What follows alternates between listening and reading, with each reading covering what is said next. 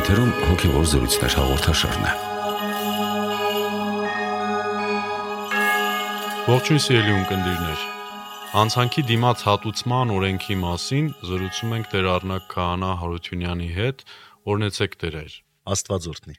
Ռետրիբուտիվ կամ հատուցողական կոչվող իրավունքի մեջ կա մի ձևակերպում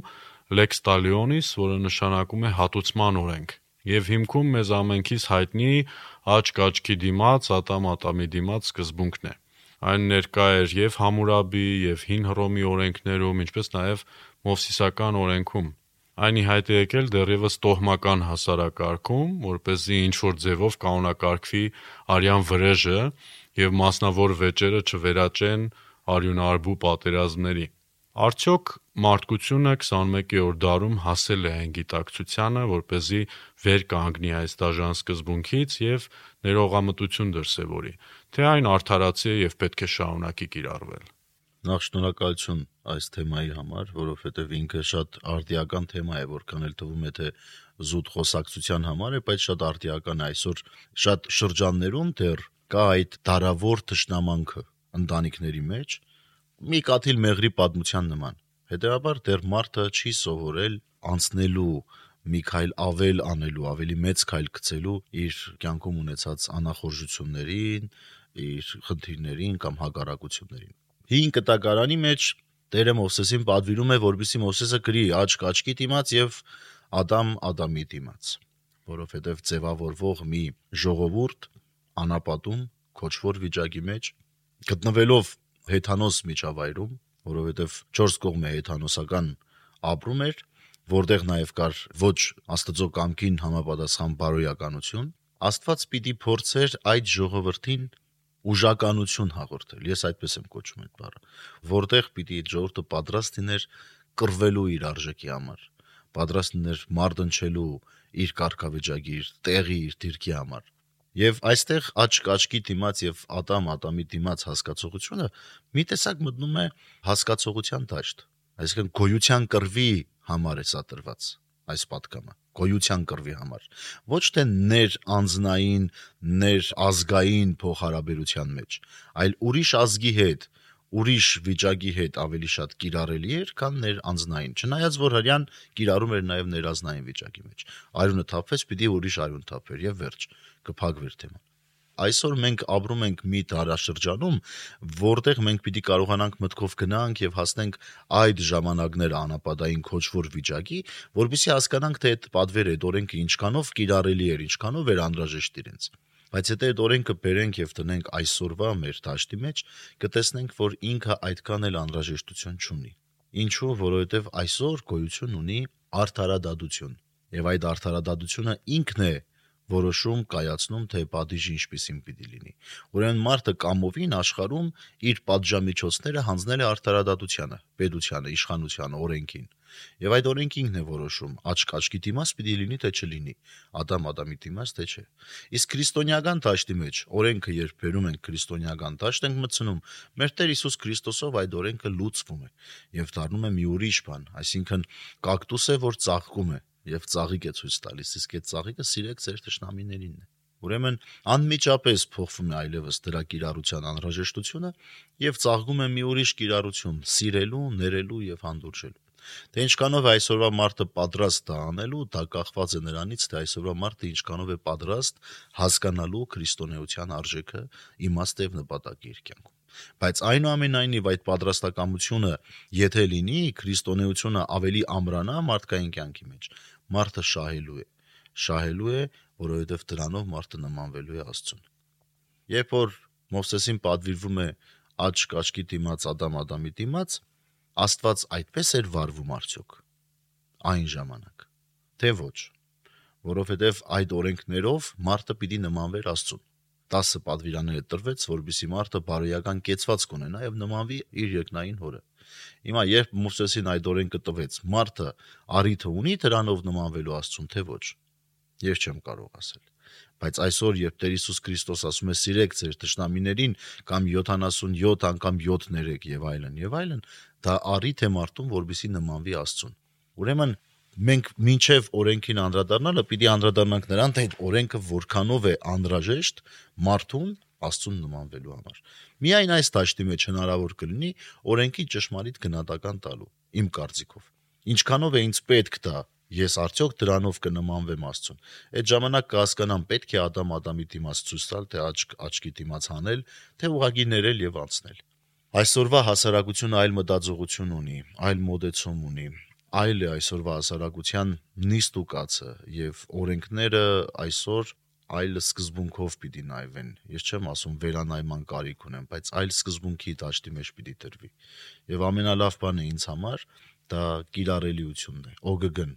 օգտակար գործողության գործակից է։ Ինչքան բարձր է, այդքան այդ օրենքը անհրաժեշտ է։ Հիսուս իր կենտրոնական ուսուցման մեջ, որ ամփոփված է Լեռան քարոզում, բնականաբար անդրադառնում է 5 տականյան պատվիրաններին, Մովսիսական օրենքին եւ ասում է չեկա այդ ամբողջը լուծարելու, այլ նորոգելու, այլ լրացնելու եւ անդրադառնում է բնականաբար ելից գրքի 21-րդ գլխում տրված այդ պատվիրանին, աչքի դիմաց աչք, ատամի դիմաց ատամ, ձեռքի դիմաց ձեռք եւ այս ոգով եւ շարունակում. Իսկ ես ձեզ ասում եմ, ճարին հակառակ չկանգնել, այլ եթե մեկը քո աջ ծնոտին ապտակ տա, նրան մյուսն էլ դարձրու։ Եվ եթե մեկը կամենա քեզ բռնադատել եւ քո շապիկն առնել, նրան քո բաճկոնն էլ թող։ Եվ եթե մեկը քեզ հարկադրի մի մղոն ճանապարհ անցնել, նրա հետ երկուսն էլ գնա։ Այս ուսուցումը շատերի կողմից նույնիսկ հեգնվում է, որ դուք քրիստոնյաներդ պետք է մյուս այդ ապտակին դարձնեք։ Ինչ է ուրեմն Քրիստոսի պատվիրանը։ Արդյոք քրիստոնյան չպետք է պաշտպանի իրեն։ Սեփական անձի պաշտպանություն եւ ուրիշի պաշտպանությունը քրիստոնյայի համար շատ տարբեր վիճակներ է։ Օրինակ, երբ մեկը պաշկոնոտ ուզի հանդուր, սա սիրո դրսևորում է։ Մենք պիտի հաշվի առնենք, որ Տեր Հիսուս Քրիստոս ամեն բան սիրո մեջ էր քարոզում։ Ամեն բան սիրո մեջ էր քարոզում։ Եվ հետո երկրորդ տարբերակը կայանում է նրանում, որ եթե այսօր ես իմ պաճկոնը պատրաստ եմ տալու մեկին, որ ինձանից ուզում է, ուրեմն երբ ես մեկից ուզեմ իր պաճկոնը, մեկն էլ պիտի պատրաստնի տալ ինձի։ Իմ կարծիքով քրիստոնեությունը հասարակության կրոն է ինքը ենթադրում է իր մեջ խումբ անհատի ապրում չէ քրիստոնեությունը խմբակային ապրում է եկեղեցական ապրում է այլ կերպ ասած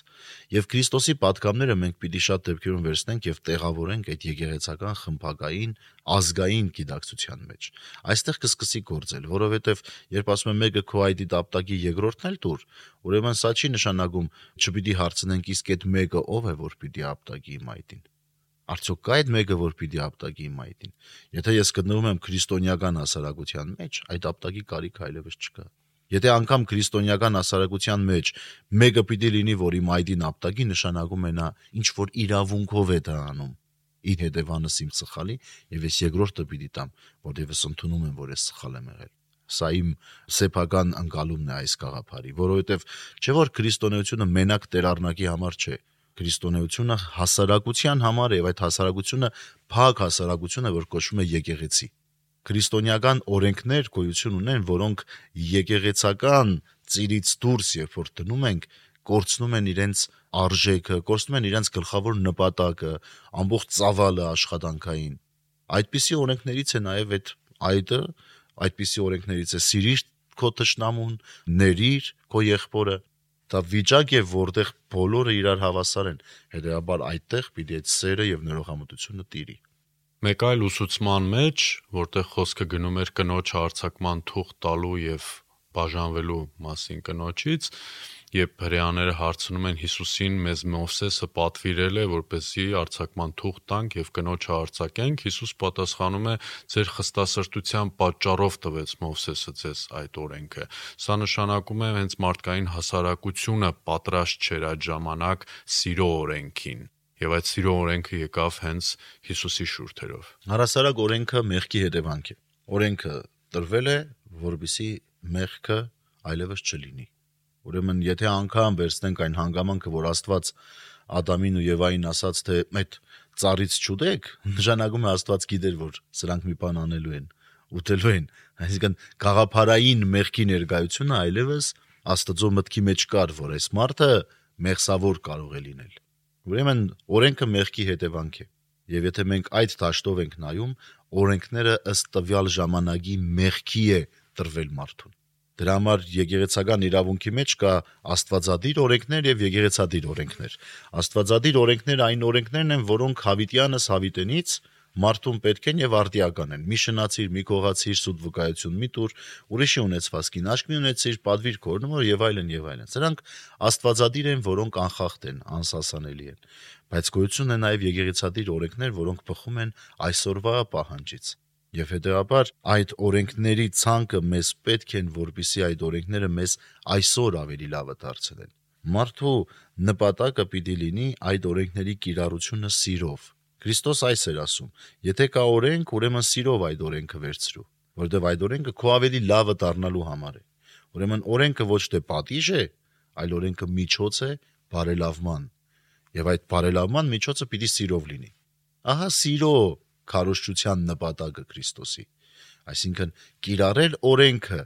որբիսի այնտեղ դրվի սեր, մարդու տեսակը ավելի լավը դարձնելու համար։ Այո, այսօրվա հասարակությունը պիտի սիրող հասարակություն լինի եւ օրենք սիրող լինի։ Մենք երկիրներ գիտենք, որտեղ օրենքը բարձր կետի վրա է, որտեղ մարդը սիրում է օրենքը։ Ինքը հասկանում է, որ այդ օրենքով ինքը ավելի լավ է ապրում։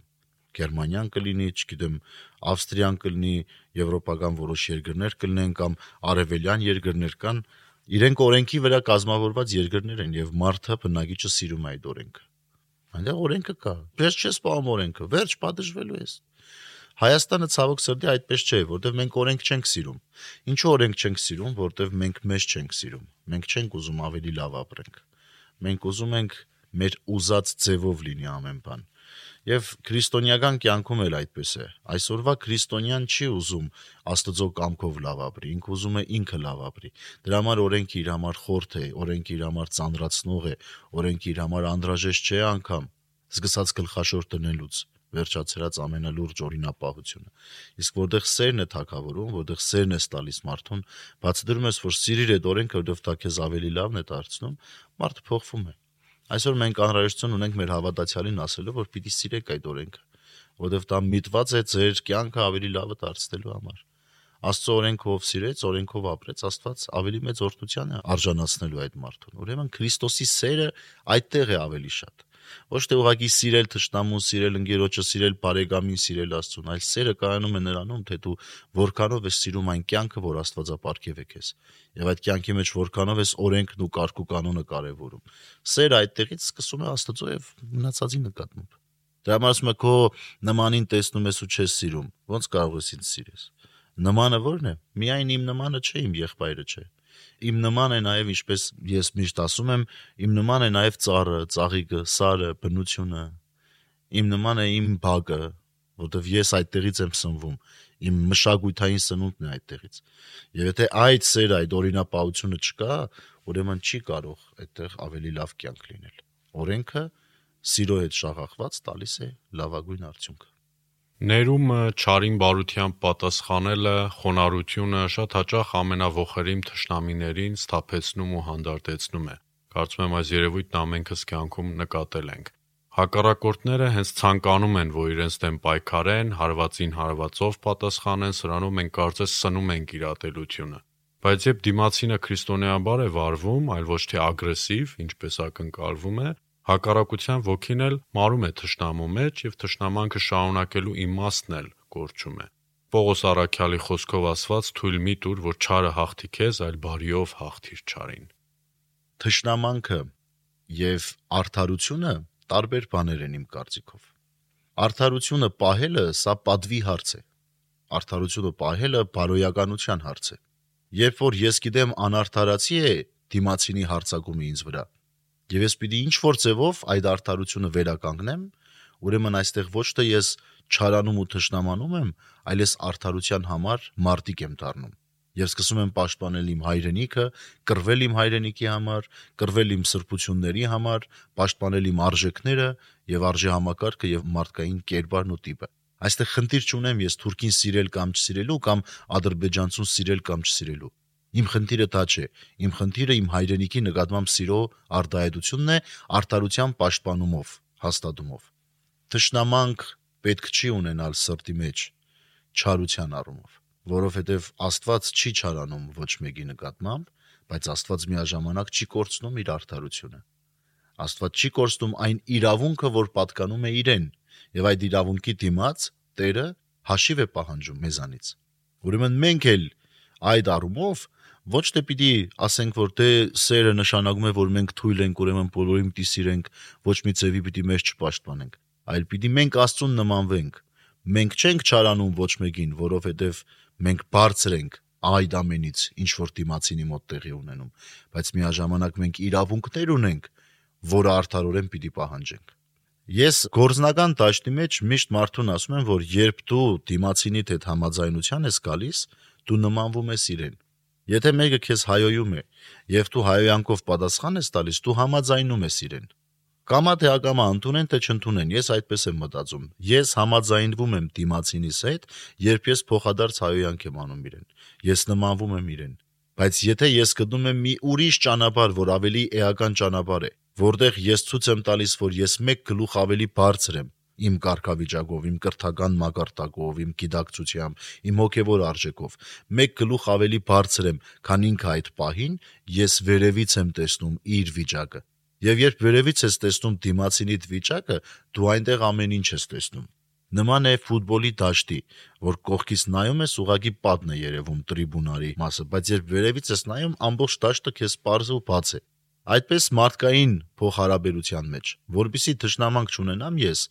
Սա իմ անձնական փորձառությունն է։ Որովհետեւ ճշտամանք չունենամ, ես բարձրանում եմ վերև, ճիշտ գնահատելով այն շնորը, որ Աստված ինձ տվել է իմ տեսակի մեջ։ Բարձրանում եմ վերև, վերևից մի հատ նայում եմ, ու ասում եմ, «Էս ինչ մեղք ես դու»։ Էս ինչ վիճակա քո մոտ չէ, դեսե որ դքան կեղտոտ ես։ Ու սկսում եմ խղճալ այդ մարդուն ուղակի։ Ասելով որ Տեր, էս ինչ է այս մարդու վիճակը։ Սա լվացվելու կարիք ունի, մաքրվելու կարիք ունի, լողանալու կարիք ունի Եվ երբ որ սկսում ես այդ տարբերակով մոտենալ, դու չես չարանում։ Դու ուղղակի հասկանում ես, որ այսօր է հասել մարդկությունը։ Այդտեղ արդեն այդ դիմացինը խառնվում է իրար։ Ասում է իմ աչքի առաջ էր, հիմա ձեռս չի հասնում։ Ու ամեն ինչ կանի, որբիսի քեզ իջացնի, հավասարեցնի իրեն, որ իր դաշտի մեջ քեզ հաղթի, բայց դու այլևս գտնվում ես ավելի բարձր դաշտի մեջ։ Սա աշխատող տարբերակ է։ Հռոմեացիներին ուղված թղթում Պողոս առաքյալն ասում է. «Ինքներդ վրեժխնդիր մի եղեք, այլ թույլ տվեք, որ Աստծու բարկությունը կատարի այն, որովհետև գրված է. «Իմն է վրեժխնդրությունը, և ես կհատուցեմ», ասում է Տերը»։ Սա Երկրորդում օրինաց գրքից մեջբերման նոր մեկնաբանությունն է առաքյալի կողմից, սա եւս կյանքի փորձառությամբ ապացուցված իրողություն է, որքան էլ որ անիրավները հզորանան, միևնույն է կործանվելու են Աստվածային նախախնամությամբ առանց մեր հատուկ ջանքերի։ Որտեւ Աստծո բարգությունը մենք չունենք։ Աստծո բարգությունը արդար բարգություն է։ Քրիստոս ասում է մտավ տաճար եւ բարգացավ։ Այդ բարգությունը ոչ մեկս չենք կարող ունենալ։ Դա արդար բարգություն էր, օբյեկտիվ բարգություն էր Մարդկային բարգությունը սուբյեկտիվ է, որ բխում է իր եսի վիճակից։ Դրա համար, երբ մենք թողնում ենք վրեժխնդրությունը Աստծուն, Աստված արդարորեն է մոտենում դրան։ Բոլոր կողմերից է քննում հարցը եւ դժված կողմը արդարորեն հատուցում է ստանում։ Բայց երբ մենք ենք այդ կարգավիճակի մեջ մտնում, փորձելով մեր դադաստանը իրականացնել, մեր դադաստանը սուբյեկտիվ է, մեր դադաստանը միակողմանի է եւ կարող է չբավարարել երկու կողմերին էլ։ Ու Հուր Հավիտյան, ինչպես սկզբում ասեցինք, թշնամի մնան իրար։ Մեկ նա է դադավորը, մեկ մյուսը։ Նա բողոքում է նրան, նա բողոքում է նրան, վերակննիչ չկա, Եվրոդադարանը պատասխան չի տալիս։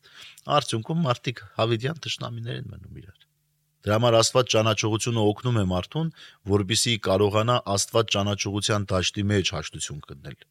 Դա ասում է, երբ քո ագարագորտի հետ դադարան ես գնում, մինչև դադավորին հասնելը լեզու կդի հետը, որովհետեւ դադարանի առաջ ավելորդ պատասխանատվություն չկրես։ Ուրեմն մենք էլ քան թե իրար հետ ճշնաման կանել, իրար հետ հակառակվել ինչ որ նյութականի շուրջ, ինչ որ կենցաղային հարցերի շուրջ, ինչ որ մեկը մյուսին ասեց էշ, մեկը նրան պատասխանեց այդ էշի համար եւ այլ եւ այլ։ Հասկանալ, որ մենք ճամփա ենք անցնում, եւ երբ որ կանգնենք մեզանից ավելի հզոր մեկի առջև, ինչ ենք անելու։ Արդյոք ծիծաղելի չենք լինելու։ Արդյոք մենք չենք փոշմանելու, որ ժամանակին չկարողացանք իրար հետ հաշտվել։ Այսօր մեր ժողովուրդը այդ հաշտության խնդիր ունի, որովհետև Աստված ասում է, եթե դուք իրար հետ չեք կարող հաշտվել, ուրեմն չգաք իմ առջև կակնեք։ Ձեր զոհը չմատուցեք ինձ։ Ինչու չենք կարող աղոթել։ Ինչու չենք կարող պատարակին լիարժեք զգացողություն ունենալ։ Որովհետև մենք հաշտություն չունենք միմյանց հետ Ամեն մի հայ մի իշխանավոր է, ամեն մի հայ մի pedagogan գործիչ է, քաղաքական գործիչ է, մի դատավոր է, մի քննադատող է, հանգարց մի փոքր հնարավորություն է ունենա ելույթ ունենալու, այդ նշանակում է, որ բոլորը վատն են, ինքը մենակ լավն է։ Արդյունքում հայը հայ այդ լեզու չի գտնում, հետո ուզում է հայը հայի կողքին կանգնի եկեղեցում եւ աղոտ քանի։ Սրանից լավ աչք աչքի դիմաց Ադամ Ադամի դիմաց գաղափար։ Ուրեմն որտեղ է այդ ներողամտության սահմանը, այն նեղ գիծը, որ դրանից ենքոմ պետք չի անցնել, պետք է մնալ այդ սահմանի մեջ, կռվել, հաշտվել, չհասկանալ իրար եւ անմիջապես գտնել լուծումը։ Հрьян ունի այդ ճարպկությունը։ Հрьян հрьяին երբեք չի վարկաբեկի, մանավանդ Սփյուռքում։ Պիտի տեսնենք հայը հային ոնց է նայում Սփյուռքում։ Թշնամանքը մենք մեր մեջ ենք ստեղծում ոչ թե օդարը եկավ Թուրքիա եկավ թշնամություն դրեց մեր մեջ Մենք մեր մեջ ստեղծեցինք այդ տշնամանքը միմյանց նկատմամբ եւ հետո շրջվեցինք երկուսով երրորդի նկատմամբ։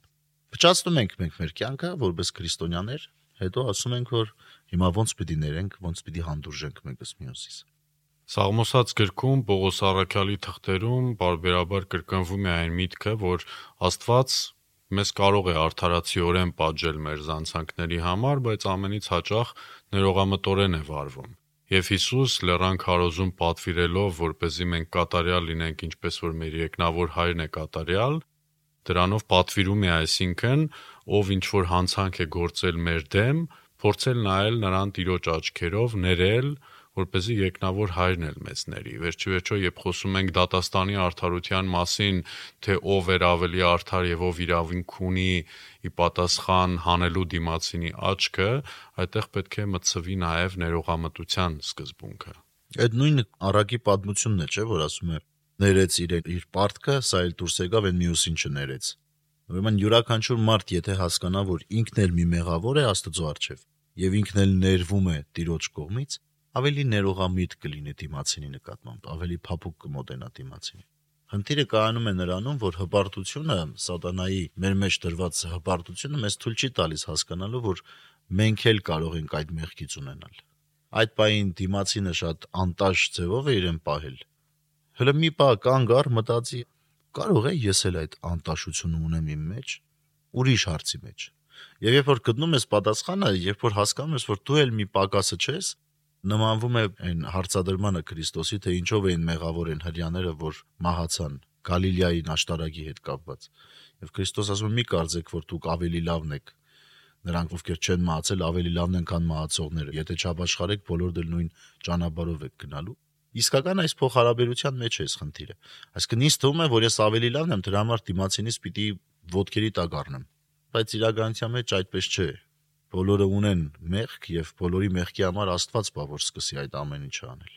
Ես միշտ մարի թեղած ժամանակ ասում եմ, որ ներել չի նշանակում ուղագիորեն աչք փակել մարդու արարքի վրա։ Ներել նշանակում է ճանապարհ տալ այդ մարդուն շտկվելու։ Եթե դիմացինը չի ուզում շտկվի, այստեղ արդեն ներողամտության գաղափարը չպիտի գործի։ Այստեղ պիտի գործի արդարության գաղափարը, ինչու՞ որովհետև սխալներ ու երևույթներ կան մեր կյանքում, որոնք ոչ թե անատական դաշտի մեջ են մեզ վրա ազդում, այլ ազդում է հասարակական կեցության վրա, հայացքի վրա։ Եվ այդ երևույթներին կարելի է կոչել քաղցկեղ։ Հիմա եթե կա մի վիճակ ինչ որ մեկի մոտ, որ քաղցկեղի նման պիտի տարածվի ամբողջ հասարակության մեջ, ուրեմն այստեղ այլևս ներողամտության հարցը չէ այստեղ հնարավորություն տալուց հետո նայել թե ինչպես կարելի այդ մեկին հերացնել, որբիսի հասարակությունը ազգը եկեղեցին չհիվանդանա, չփճանա։ Եւ այստեղ ներողամտությունն ու արդարությունն ու ընդհանուր շահը չպիտի խառնվի իրար։ Աստված այս առումով 5 կտակարանի մեջ բազմիցս մեզ գալիս է ցույց տալու թե ինչպես է ինքը գործում։ Սոդոմ Գոմորի պարագային, ամաղեկացիների պարագային կամ երբ Իսրայելը մեղքի մեջ էր, կորցրեց իր կարգավիճակը եւ դարձավ գերի Բաբելոնին, հետո Պարսկաստանին, որտեղ կա մեղք, որը խանգարում է այլևս ազգային ամբողջականության պահպանման, ուրեմն այդտեղ ազգը կորցնում է իր գոյության իրավունքը, թեկուզ եւ ժամանակավոր առումով իր կարգավիճակ, իր բարեկեցությունը նույնը անձի հետ կապված։ Եթե անձը այլևս ճանապարհ չունի շտկվելու, իմ ներողամտությունը հանուն ինչի է։ Ես ինչի պիտի ներեմ, եթե անձին բազմաթիվ անգամներ ճանապարհ եմ տվել շտկվելու եւ ինքը չի ուզում։ Պողոս Արաքյալն ասում է, եթե եղբայրդ մեղք է կործում, էս էս էս էս անելուց հետո ասում է իրան հերացրու քեզանից։ Հերացրու, որ հասկանա, որ մեղքը ինչ է անում մարդուն, հերացնում է Աստծուց, հերացնում է լավից, բարուց, սիրելիից։ Այդպես է նաև դադաստանի պարագային, այդպես է նաև ներելու պարագային։ Ինչքան էլ մենք սիրում ենք մեր եղբայրներին, բարեկամներին, բայց եթե չեն ուղվում ներողամտության ճանապարհով, որոշակիորեն լավ է, որ հեռու մնան, մենակ մնան, խելքերը գլուխները կա։ Լեռան քարոզում նորոգելով եւ վերստին մեկնելով 5 կտականյան օրենքը Քրիստոս փորձում է եւս մի մակարդակում վերացնել մարդկանց միջև անհաշտությունը անդրադառնալով այն 5 կտականյան օրենքին, որ ասում է՝ «Պիտի սիրես ընկերոջդ եւ պիտի ատես քո թշնամուն»։ Իսկ Հիսուս ասում է մեզ սիրեցեք ձեր թշնամիներին։ Սա հիանալի պատվիան է, բայց շատերը մեզանից երբեմն երբեմն զգում են այդ պատվյանի դժվարությունը, որ դժվար է այո սիրել մեր թշնամիներին, բայց հենց այդ падգամի մեջ էլ կարծես Հիսուս տալիս է լուծումը թե ինչպես կարելի է սիրել։ Պետք է օրհնել այդ ճշնամուն, պետք է աղոթել նրա համար, որպեսզի նա շտկվի եւ միանշանակ սերը ինչ որ ձևով կներթափանցի մեր հոգու մեջ։ Ես չեմ հիշում եկեղեցու Սուրբ Հայրերից որ մեկներ, բայց նման մի միտք եմ ժամանակին կարդացել։ Ասում են, երբ աղոթ ես անում ճշնամուտ համար, դու կրակ ես կուտակում նրա գլխին։ Արդյունքում այդ կրակը կամ այրում է իր մեղքերը կամ այրում է իր անձը։ Այսինքն, եթե դու աղոթում ես քո հակարագործի համար, դաշտ ես տալիս Աստծուն, կամ իրավունք տալու այդ մեկին շտկվելու, եւ կամ այդ մեկին քեզանից հեռացնելու ուղակի։ Այսինքն նորից եկանք այն գաղափարին, որ Աստված է դառնում այս պարագային դատավորը, որոշում կայացնողը վերջնական։ Ինչու մենք չենք կարող սիրել մեր թշնամիներին, որովհետև մեր թշնամիներ հասկացողությունը մենք չենք կարող ընկալել։ Քրիստոնյան պիտի ճունենա նախ եւ առաջ այդ թշնամին, որովհետեւ մենք պիտի հասկանանք, որ բոլորն էլ Աստծո արարածներն են, մեկը մի քիչ կաղ, մեկը մի քիչ շատախոս, երրորդը հայոյող, չորրորդը մեղավոր եւ այլն եւ այլն, բայց բոլորն էլ Աստծո արարածներն են։ Եվ այս առումով ում եմ ես ճշնամանում։ Իմ նմանին, չէ՞ որ ես այդ շղթայի մի օղակն եմ։ Ես հայ ժողովրդի մի օղակն եմ։ Լավ թե վատ իմն է։ Այս գաղափարը շատ լավն է հрьяների մոտ։ Երբ հрьяին ասում են, այս ինչ մեկ է, ինչ բանն է արել, մատը թափ կդա ու կասի լավն է, վատն է, իմն է, դու գործ ունես իր հետ։ Այս առումով մենք այլևս թշնամություն չենք տեսնելու իրար մեջ, որտեղ մենք հասկանում ենք, որ մենք իրար ենք պատկանում։ Դրա համար Տերն ասում է՝ սիրեք ձեր թշնամիներին եւ ստորակետ Աստծո թշնամուն թողեք Աստծուն։ Իսկ Աստծո թշնամին սատանան է։ Եթե մարդը հասկանում է, որ սատանան է ամեն ինչ անում, որ մարդը մարդուն թշնամի դառնա, այլևս մենք ոչ թե մարդկանց նկատմամբ ենք թշնամանք ունենալու, այլ հասկանալու ենք, որ սատանան այն կողմ կանգնած մեկը կա, որ այդ ամեն ինչի մեջ բզբզում է, իր ներդրում ունի եւ հասկանալու ենք, որ ընդեղ է խնդիրը։ Չէ որ ստի հայրն է սատանան։ Եվ ասելու ենք Տեր Աստված, նա քո թշնամին է, մենք թողել ենք քեզ նրան։ Մենք իրար սիրում ենք, որովհետեւ սատանան այլևս անելիք չունենա որովհետև ճարը ամեն ինչ անում է, որովհետեւ մարդու միջոցով Աստծո սիրտը ցավացնի, ասի տես, ես չեն քո զավակները իրար միս են ուտում։ Եվ երբ մենք իրար սիրում ենք, մենք հասկանում ենք, որ մենք երկուս էլ նույն Աստծո նույն ծնողի զավակներն ենք, սատանան այլևս անելիք չունի, Աստված էլ ասում է՝ «Տես իմ զավակները, իրար սիրում են, դու այլևս այդտեղ անելիք չունես»։ Նախքան քրիստոնեության հաստատվել արևմտյան քաղաքակրթության մեջ, քրեակատարողական համակարգը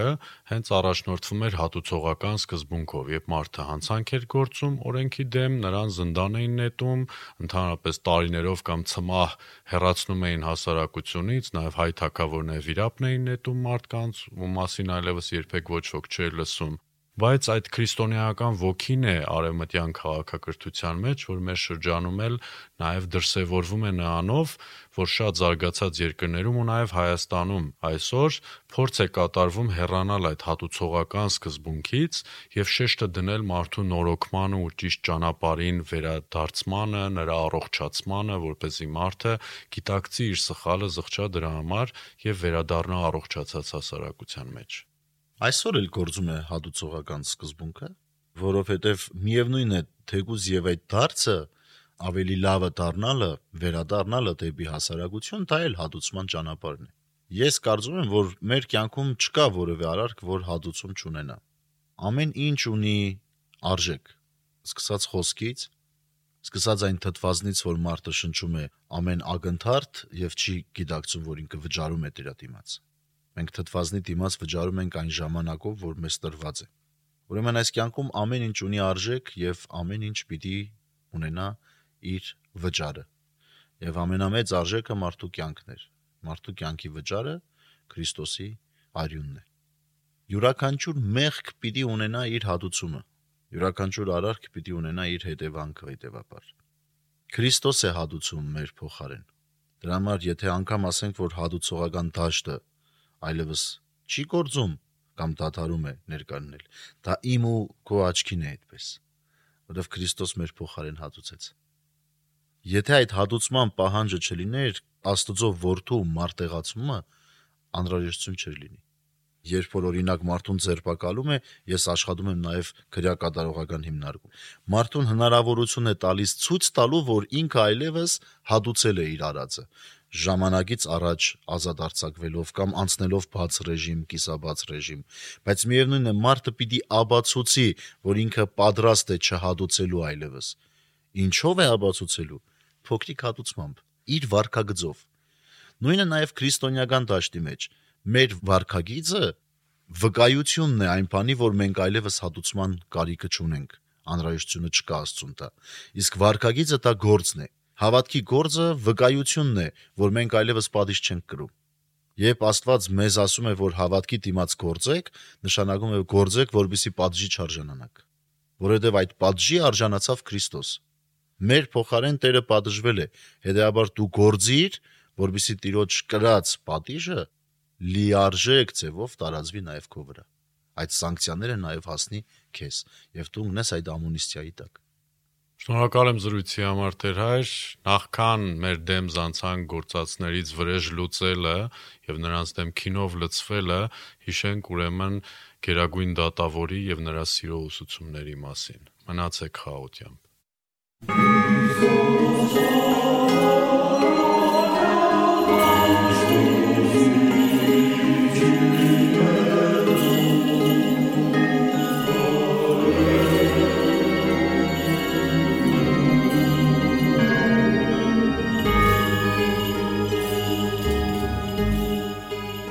Վեմ ռադիոկայանի եթերում հոգևոր զրույցներ հաղորդաշարներ։